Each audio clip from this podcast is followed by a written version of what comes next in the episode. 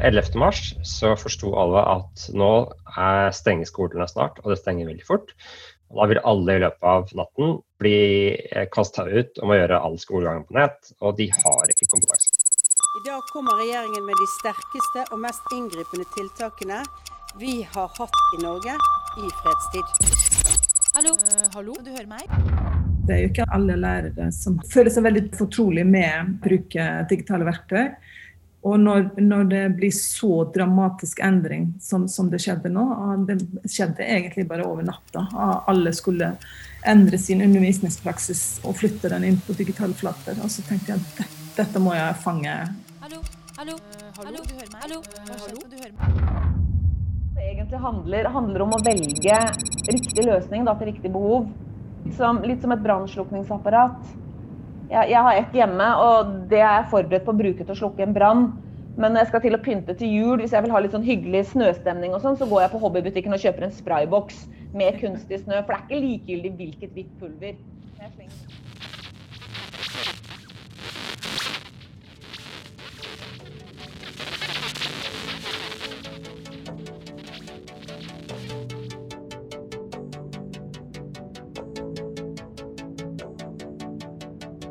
Hjertelig velkommen til Unmuta. Jeg heter Camilla Cahill. Og jeg heter Margaret Seivarsdottir. Margaret, hva er det vi holder på med? Vi skal la lage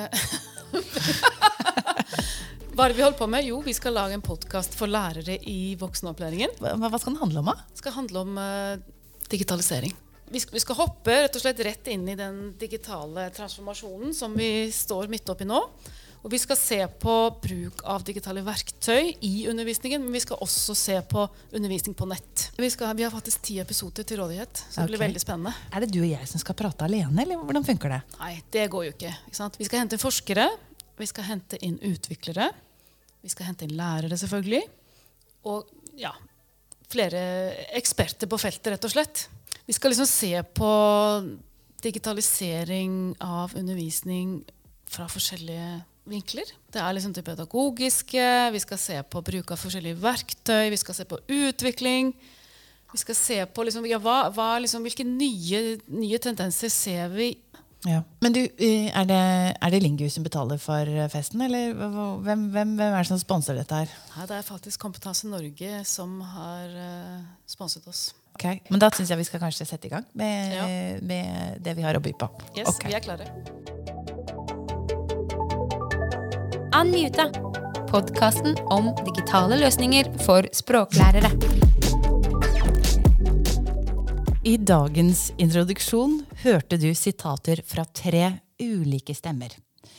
Og stemmene er fra tre nøkkelpersoner som har vært svært sentrale for lærere på alle ulike nivåer i den digitale transformasjonen vi står i, og som vi har stått i siden 12. mars 2020. Du skal i dag høre fra Greta Bjørk Gudmundsdottir, som er forsker og professor i pedagogikk ved Universitetet i Oslo. Geir Sand Nilsen, som er gründer og forsker og mannen bak Facebook-gruppen Pålogga.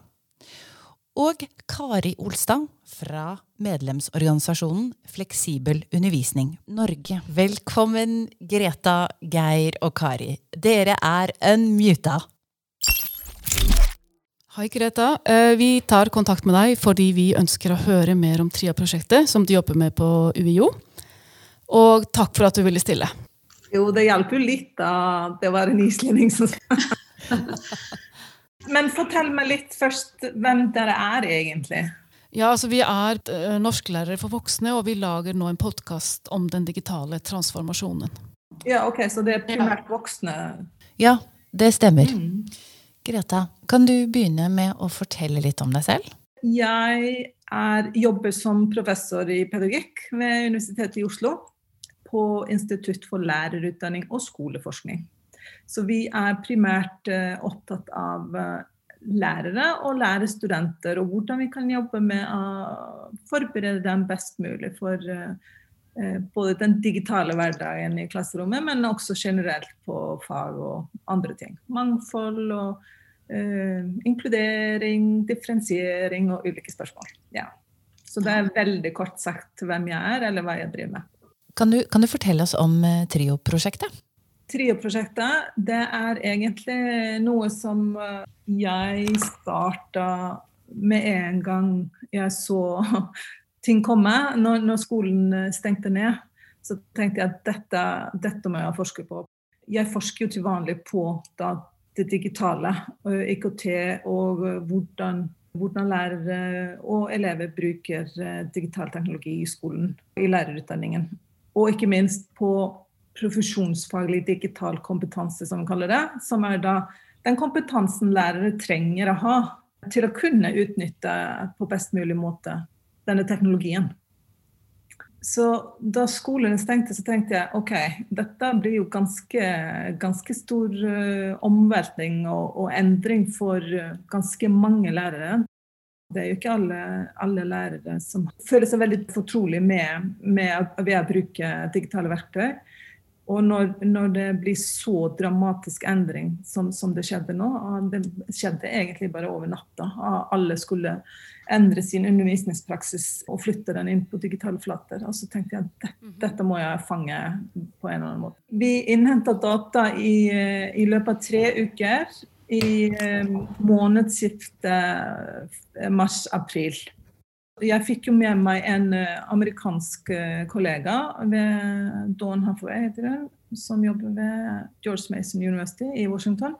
Hun driver også med videreutdanning av lærere og jobber inne på lærerutdanningen. Og ønsket også å se hva slags betydning dette hadde for amerikanske lærere. Og jeg syns det jo var veldig spennende å få et litt sånn komparativt perspektiv. Og det som vi gjorde, var jo bare å bruke egentlig vårt uh, eget nettverk. Uh, jeg i Norge og hun i USA.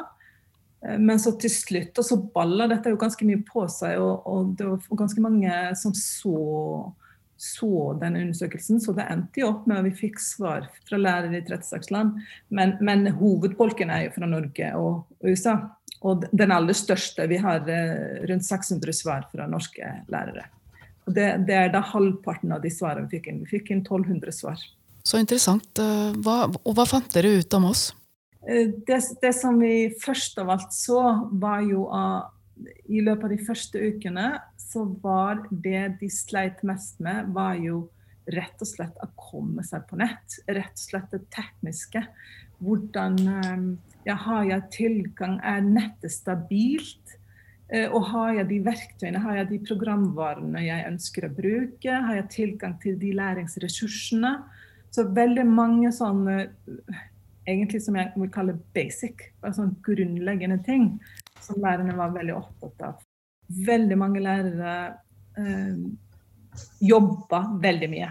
Det, det, kom veldig tydelig frem at dette, dette tok tid, og det, det, vet vi jo fra før. at det, det, det, er ikke mulig å flytte når du har sånn vanlig, tradisjonell undervisning, å flytte opp det undervisningsopplegget direkte på nett og, og, ikke gjøre noe med det. Du må, jo, du må, jo, endre på det, du må tenke det litt annerledes. Um, så, så, veldig mange lærere nevnte det, at dette, dette tok veldig mye tid. At, det, at de jobba døgnet rundt. Og, og, det har vi jo hørt i, i medier. Men, men, eh, men, hva med de sårbare elevene? Jeg ser at dere har fokus på de i forskningsspørsmålet deres.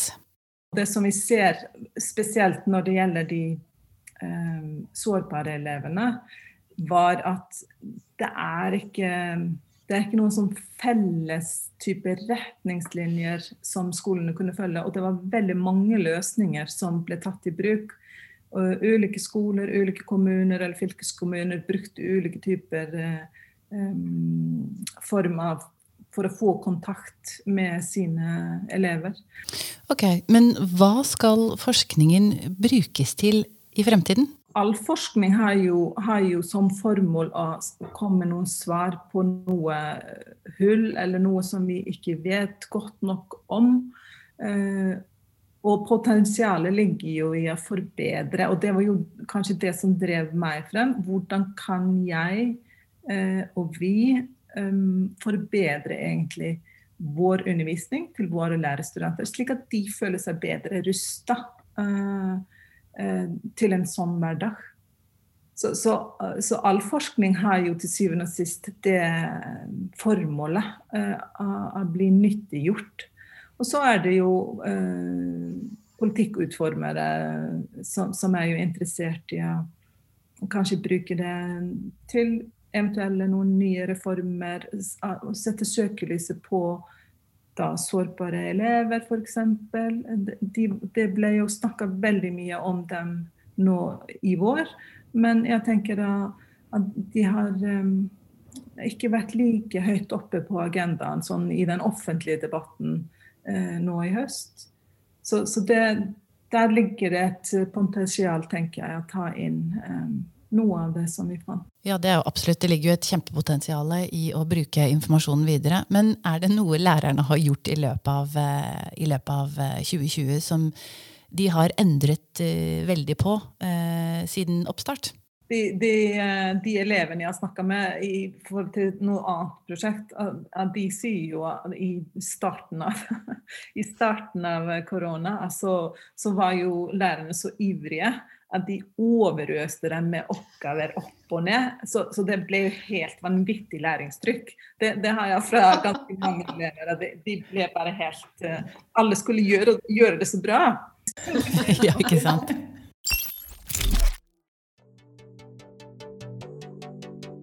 Ja, det var interessant å høre på hva Greta hadde å si om TRIO-prosjektet.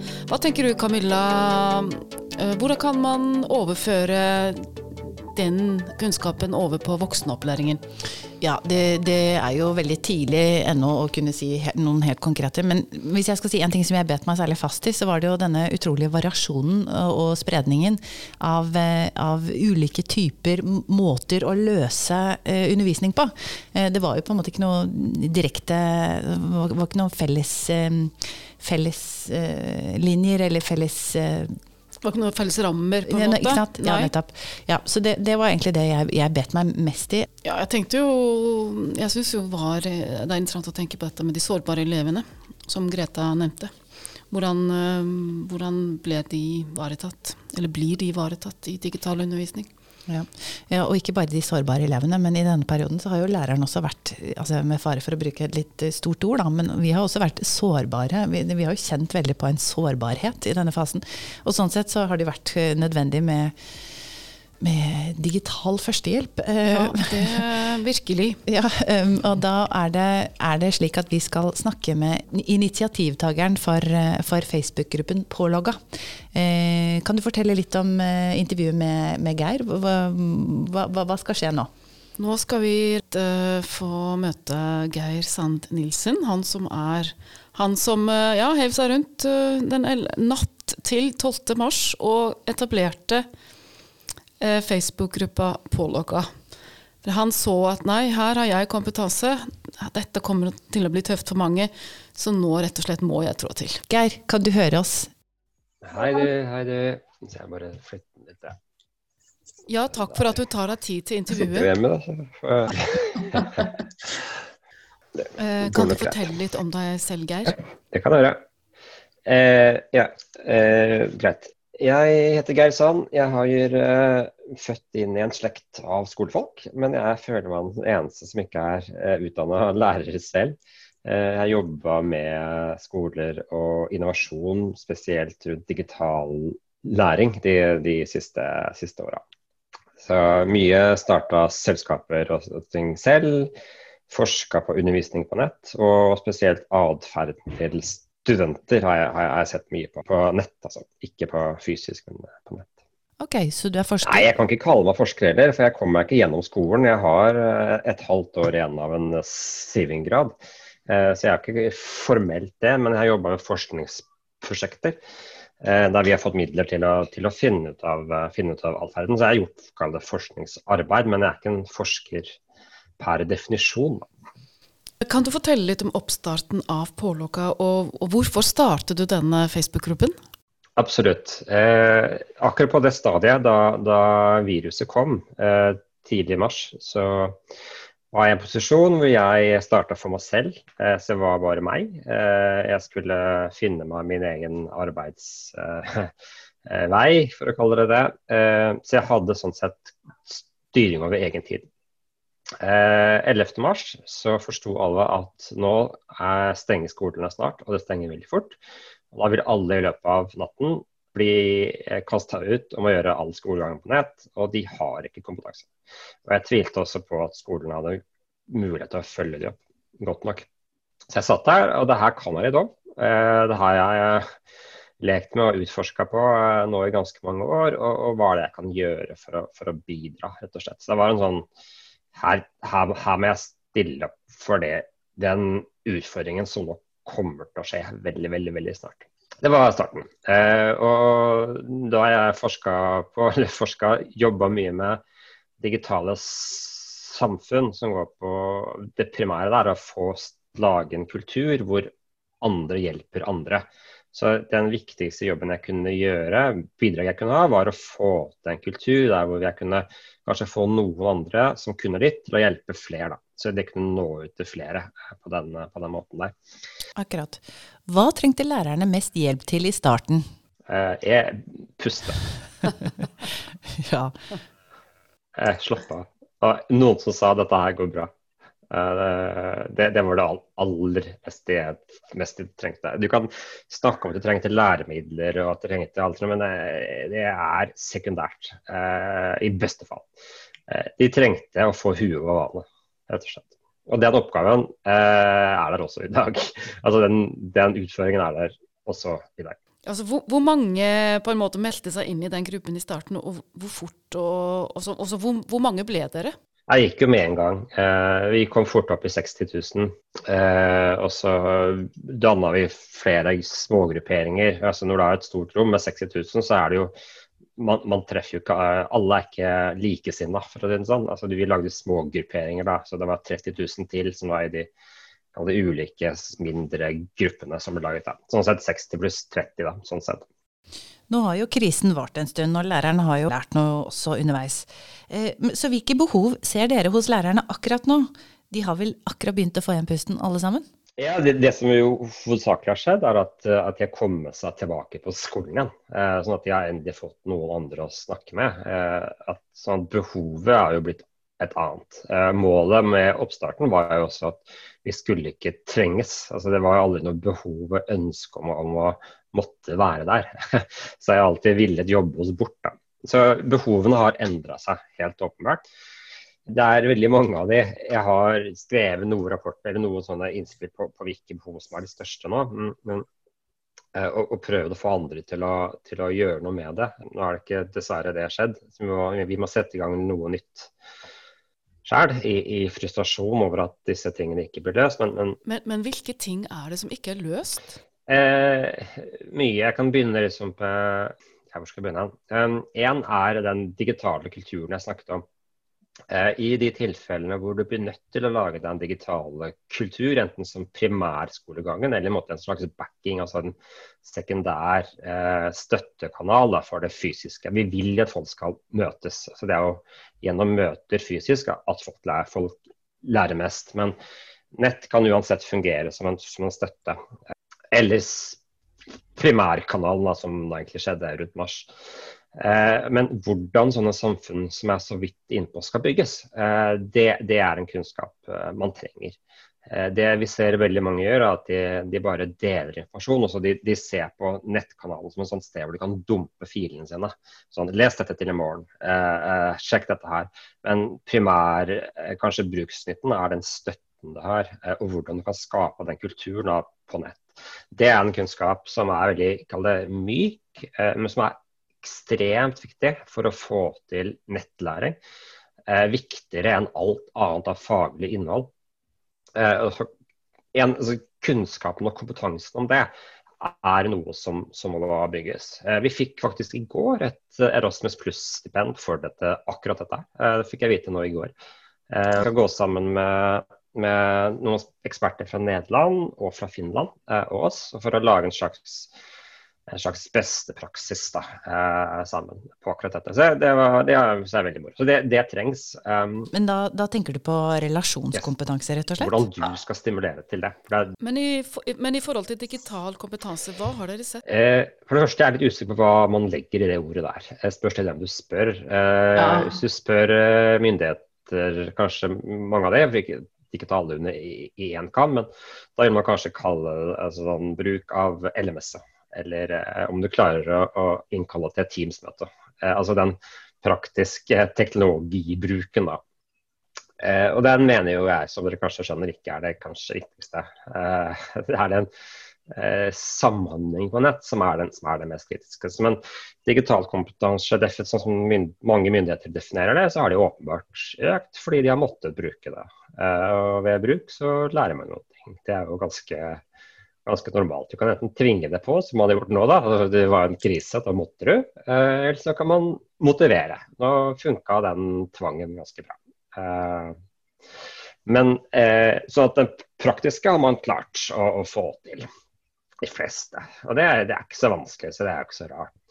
Men uh, den uh, pedagogiske, sosiale, den, den, mangler jo litt. da, Iallfall i, i, eh, de formelle kanalene. Veldig interessant det du sier der. Men vil det være behov for pålogga når vi er tilbake til normalen? Eh, det spørs. Jeg håper ikke det, eh, men dessverre så tror jeg det. Eh, nå har vi tre prosjekter nå som hjelper sparker i gang i frustrasjon. Eh, det første var det jeg snakket om. Det andre er et prosjekt hvor vi skal se på hvilke pedagogiske digitale verktøy man har lov til å bruke, og hvilke man bør bruke. Altså den GDPR-diskusjonen som har vært og alt det der. Lage en katalog for det. Jeg har vi også fått Erosmus Pluss-støtte til. Som kommer ut. Uh, og så ser vi på, faktisk på hvordan vi skal gi alle barn tilgang på digitale enheter. Uh, gjenbrukbare tablet eller hva det nå er for noe. Bare for å, for å at man har tilgang på på en digital skole eh, dersom det trengs. Så pålegga som vi kjenner til, håper jeg for guds skyld ikke trengs. Og at det, det behovet blir borte. og at forhåpentligvis myndigheter klarer å ta over alt som, som har blitt gjort der. Jeg tror jo ikke at det skjer, men, men det hadde vært veldig, veldig fint. ja.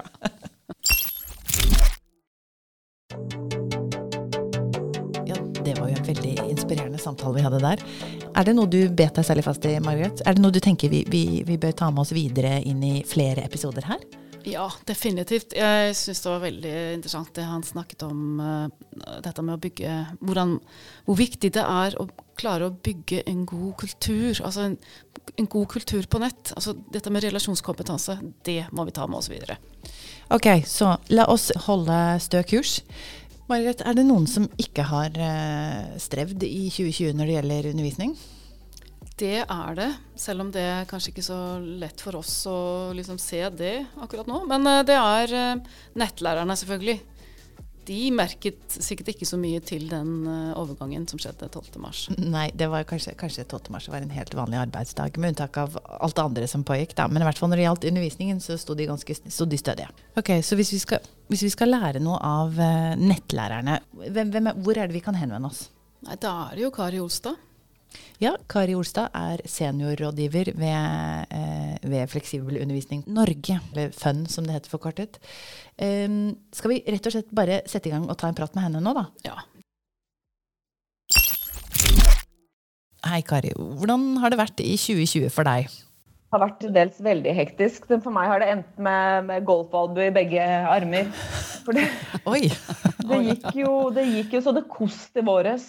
Det gjorde det med sånn 10-12 timersdager og, og eh, helgejobbing og Ja, det var litt døgnet rundt. Men det, det, føltes veldig, veldig feil å la underviserne være aleine også, syns jeg. Ja, for plutselig så ble jo dere en ressurs som mange henvendte seg til. Kari, kan du fortelle litt om FUN, og hvordan dere kan være en ressurs for oss lærere i voksenopplæringen? Ja. Fleksibel utdanning Norge er jo en medlemsorganisasjon. Eh, for ca. 50 tilbydere av undervisning og opplæring. Alt fra enkeltmannsforetak til Norges største universitet er medlem hos oss. Um, men vi oppsto, for 50 år siden som interesseorganisasjon for brevskolene. Det er der vi kommer fra. Eh, og det betyr at vi bygger på en over 100 år gammel fjernundervisningstradisjon. Men visjonen vår, målet vi jobber for nå, er at god utdanning og opplæring skal være tilgjengelig for alle, uavhengig av bosted, livssituasjon og individuelle behov. Kort oppsummert. Så har vi en veldig spredning i medlemsmassen, Og nettundervisning, det, i hvert fall inntil 12. mars i år, så er jo nettundervisning typisk rettet mot voksne lærerne. Men, men, men samtidig veldig kanskje lite involvert i det vi ofte tenker på som den tradisjonelle voksenopplæringen. Eh, så da, da, tenker jeg at kanskje vi ikke så mye kan være en ressurs for som med lærerne i voksenopplæringen. At vi, må, at vi må utvikle oss sammen, at vi må kommunisere og dele erfaring. Det som har kjennetegnet våre medlemmer fram til nå, har vært at det har ligget nærmest i DNA-et deres, dette med fjernundervisning. De hadde transisjonen fra brevskole til nettskole og utviklet den biten. Og liksom brukt internett siden før det kom. Med hjemmelaget internett i begynnelsen. Sånn at, sånn at den fjernundervisningspedagogikken og infrastrukturen har ligget hos våre medlemmer hele tiden. Og så har nå kanskje nye folk som tidligere ikke har undervist på nett, kommet og søkt til miljøet for å finne ut av hvordan de kan gjøre det. Ja, for det er jo etterlengtet kunnskap dere har da, som, eh, som, nettlærere. At dere har jo langt mer erfaring enn lærere flest på det området. Men hvis vi skal snakke om 2020 og de intense ni månedene de, alle, alle, lærere har, har, stått i, hva er det som har vært positivt, og hva er det som har vært negativt? Altså På plussiden så har vi jo sett at det er god tilgang på digitale enheter, på nettforbindelse, på digital kompetanse også rundt omkring her i landet. Jeg tror særlig i grunnskolen at mange har fått en øyeåpner med at eh, mange barn og unge faktisk trives med å jobbe hjemmefra. At de får konsentrert seg bedre, at de blomstrer når de får lagt opp til dagsrytmen sin. Dette er jo parallelt med at de aller fleste, særlig barn og unge, helst vil være på skolen og på campus. Så jeg håper at vi fremover kan ha to tanker i hodet. Uh, sånn at vi kan tilby opplæring som er mer tilpasset den enkelte, også når det gjelder den fleksibiliteten. Da. Men, men på minussiden så er jeg redd for at også at mange fremover nå vil forbinde denne til dels kaotiske og veldig slitsomme, uh, usikre pandemisituasjonen med nettundervisning. Der folk ikke hadde noe forhold til nettundervisning, har de nå fått det, og det har vært negativt for, for noen. da. Fordi Det som våre medlemmer har drevet med siden midten av 90-tallet, det har lite til felles med denne akuttdigitaliseringen i, i sektoren. Fordi at Selv om begge deler går på undervisning på nett, så er det klart at um, institusjoner med erfaring på fleksibel opplæring de har, en, de har en helhetlig pedagogisk tankegang bak sine nettkurs. Nettkursene er veldig godt planlagt. Og um, Vitsen er jo at tilbud om fleksibel utdanning skal tilføre en ekstra kvalitet som den lærende ikke ville ha fått med stedbasert undervisning. Og det kan jo være f.eks. frihet i tid, i progresjon, en mulighet for sjenerte mennesker til å interagere skriftlig med medstudenter. Fokus på veiledning fremfor formidling, f.eks. For så kan jeg bare konkludere med at det egentlig handler, handler om å velge riktig løsning da, til riktig behov. Litt som, litt som et brannslukningsapparat. Jeg, jeg, har ett hjemme, og det er jeg forberedt på å bruke til å slukke en brann. Men når jeg skal til å pynte til jul, hvis jeg vil ha litt sånn hyggelig snøstemning, og sånn, så går jeg på hobbybutikken og kjøper en sprayboks med kunstig snø. For det er ikke likegyldig hvilket hvitt pulver jeg slenger Nei, det er sant. Ja. Men hva skiller nettundervisning fra tradisjonell klasseromsundervisning? Så det er egentlig bare disse Det er veldig mye de didaktiske grepene som man må lære seg. Og, og, det er jo det samme som om du skulle gå fra voksen, voksenundervisning til barneundervisning. ikke sant? Altså Du må lære nye didaktiske grep. Eh, for det første så, så, er planlegging Når du skal undervise på nett, så er planlegging forferdelig viktig. Du må ha, du må ha litt fantasi for å undervise på nett. fordi at når du er i klasserommet, så ser du jo elevene dine hele tiden. Du kan veldig fort, og det, det tenker kanskje ikke lærer på, men du ser med en gang en erfaren lærer. Den, den gjør multitasker noe veldig. Fordi de snakker med munnen sin, samtidig så styrer du én student med blikket ditt. Så nikker du oppmuntrende til en annen. De har ofte to hender som de gestikulerer litt til enkeltelever. Og så ser de på ansiktene til elevene, får de med seg det som skjer, og så justerer de. Mens på nett så gjør du ikke det. Så da må du, du må planlegge på forhånd. Eh, og hvis du allerede har en klasse som du er vant til å undervise i klasserommet, så tar du utgangspunkt, for da har du jo ganske mye kunnskap om elevmassen din.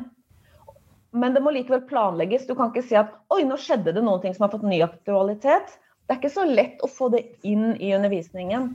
Så Den må være godt planlagt. Og det er veldig todelt, tenker jeg, når vi snakker om digitalisering. For det er, det er altså systemnivået som, som, er at det finnes en infrastruktur der. Eh, læringsdata samles, hvordan skal de brukes? Studentadministrasjonssystemet, nasjonale prøver, hvem kjøper inn hva av hardvare og mykvare? Eh, som jeg mener ligger på et systemnivå. Og så har du det som ligger på undervisningsnivå, som er hvordan, hvordan de digitale hjelpemidlene kan brukes for å gjøre læringssituasjonen bedre for den lærende. Det vi så under digitaliseringen, var jo at lærerne selv tok ansvaret for den undervisningsbiten i veldig stor grad. Og bygde jo opp en Facebook-gruppe. Og det tok jo ti dager, så hadde 68 000 medlemmer. Men, men, det var det første stedet de fikk hjelp. Så de gyva løs, de hjalp hverandre. De, de har tatt ansvar hele veien for det. Mens, mens, jeg mener jo at det på nasjonalt nivå For det første burde det vært krav om beredskapsplaner. Ikke sant? Eh, hvem eier skolene? Kommunene. Altså må det være kommunenes ansvar at skolene har infrastrukturen, utstyr og kompetansen og beredskapsplanene. Eh, jeg tenker også at det bør være et statlig ansvar. Fordi å bygge opp et nasjonalt kompetansesenter for digital eh, og fleksibel undervisning der, der, det finnes ressurser, der det finnes lærere som kan bidra og hjelpe andre lærere. Hjelpe til å lage ressurser, kvalitetssikre ressurser, lage strategier. Det bør ligge på et nasjonalt nivå. Men så ser vi altså at lærerne tar veldig ansvar uh, selv også, og hjelper hverandre. Og det er jo en ting som kjennetegner norsk skole. Og nå, nå snakker jeg mest om grunnskolen, for det er den jeg kjenner best. Men at, at, lærerne selvfølgelig også har ansvar for sin egen undervisning, og at de tar det ansvaret. Det ser vi jo. Fun, ja, Fønn har blitt en viktig ressurs for digital undervisning i løpet av 2020. Ja, og Det må jo også nevnes um, her at uh, det er noe som heter Fønns lille røde. Uh, og det er, det er en, uh, en, bok som Fønn har kompilert. Der ligger det mange perler for, for den sultne lærer som, som trenger å, å, ja. um, å, få nettundervisningen litt mer under huden. Ja, og den er det linket til i shownotene våre. De nettlærerne har jo praktisert veilederrollen lenge. Og ja, de, de kan dette med ja, altså, planlegging og, og, relasjonskompetanse. Den digitale ja. transformasjonen mm. har jo tatt altså, De har jo hatt mye lengre tid på seg. Altså, det, dette med at uh, brevskolen har da videreutviklet seg til å bli fjernundervisningen via nett, det, det, det, betyr at de har jo hatt mye bedre tid på å finspisse og, og perfeksjonere elementene. Og det, ja. det, det, har jo stor overføringsverdi for, ja, for, andre lærere. Det vil jo ha det. Særlig på ja, Når du driver med ikke-stedsbasert undervisning, så er jo det flott. Så nå har vi fått, eh, vi har fått eh, forskerperspektivet, vi har fått eh, initiativtagerperspektivet og vi har fått nettlærerperspektivet. Hvorfor er det viktig å få disse ulike perspektivene? Nei, altså for det første så har det jo vært viktig for oss å få gå rett i kilden. Pålitelige kilder.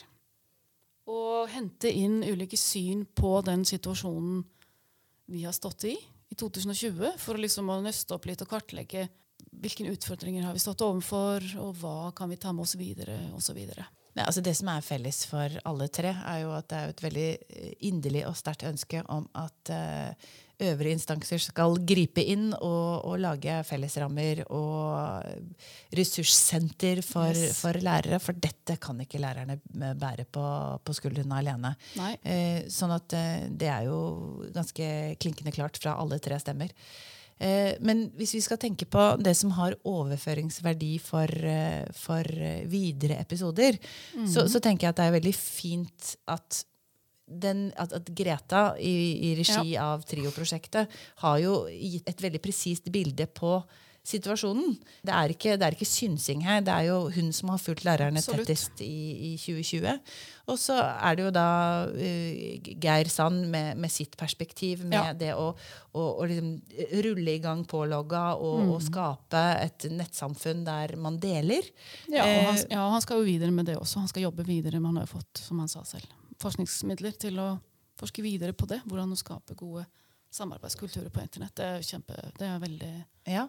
Det trengs. Ja, og så, er det jo til, til slutt uh, Kari sitt perspektiv fra, fra nettlærerne. Og så tenker jeg at Det som blir naturlig for oss nå, er jo egentlig å forflytte oss videre derfra. Uh, første Ja. stopp blir jo hos nettlærerne, da. Ja, vi skal møte, I episode to så skal vi møte to lærere som begge har blitt kåret til årets nettpedagoger av Fun. De skal gi oss da noen gode tips om nettundervisning. Altså det, de har begge to, begge lærerne som vi skal snakke med i neste episode, Marius Vøllestad og Ragnhild Lund, har jobbet med nettundervisning i noen år nå. Hjertelig takk til Greta Bjørk Gvimmesdottir. Geir Sand Nilsen. og Kari Olstad.